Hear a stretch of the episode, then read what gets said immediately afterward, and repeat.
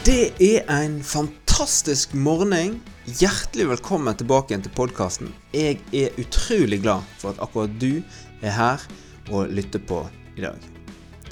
I dag har jeg lyst til å snakke om noe som jeg har brukt masse tid på, og det er Jeg vet ikke hvordan du har det, men når jeg studerte, jeg var student i Bergen, så eh, oppdaget jeg at noe merkelig, et spennende paradoks, egentlig. Fordi at i starten når jeg begynte å studere, så følte jeg at jeg hadde altfor lite tid.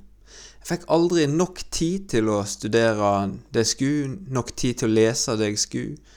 Eh, jeg fikk aldri gjort alt jeg hadde tenkt.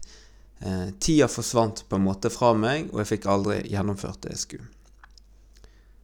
Og jeg tenkte, hvorfor er det så masse tid som forsvinner? Hvorfor eh, greier jeg ikke å få gjort alt det jeg hadde tenkt å gjøre? Etter hvert så eh, fikk jeg meg litt struktur på livet, og jeg fikk satt av tid jeg skulle studere, og fikk ordna opp i, ja, i hverdagen min, lagde timeplan og hadde litt sånn eh, struktur, da. Og plutselig merket jeg at jeg har masse tid. Jeg har masse tid å forvalte. Hvordan eh, kan jeg gjøre det?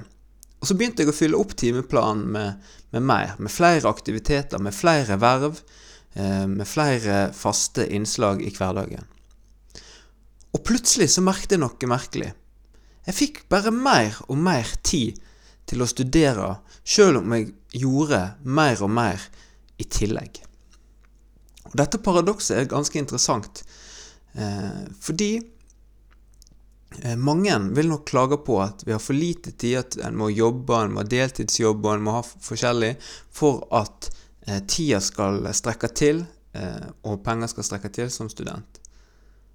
Mens jeg opplevde at jo mer jeg jobbet på si og hadde frivillige verv og hadde andre ting å gjøre på, jo bedre gjorde jeg det som student. Jo mer effektivt brukte jeg den tida jeg hadde. Og selv om jeg kanskje ikke brukte ei full arbeidsveke, så var jeg aldri mange timer unna, og resultatene steg dramatisk, og jeg fikk toppkarakter. Nå er det kanskje ikke sånn for alle, jeg skal være forsiktig med å generalisere det, men kan det være at flere av oss eh, trenger faste ting, faste rytmer, eh, verv og forpliktelser, og at det kan hjelpe oss å være mer effektiv på de tingene som vi faktisk må gjøre. Det har jeg lurt masse på. Og det var òg interessant, for det ble gjort en undersøkelse på dette eh, på det fakultetet der jeg studerte, der de så at de som hadde størst prosent eh, deltidsstilling, de ofte, brukte òg eh, ofte mest tid på studiene eh, innenfor eh, det historie, ja, historiefaget, som jeg, eller historie, som jeg studerte.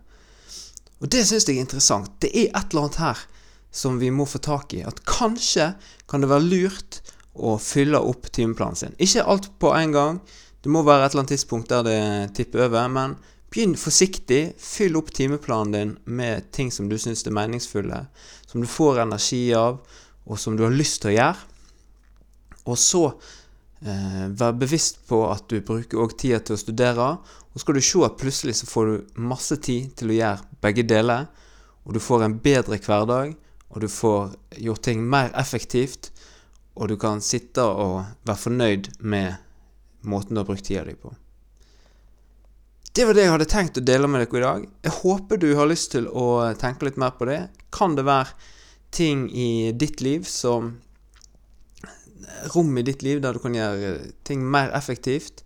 Og kanskje du kan fylle det med mer meningsfylt verv eller fritidsaktivitet eller et eller annet.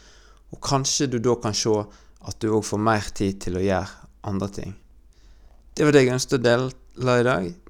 Ha en fantastisk dag videre.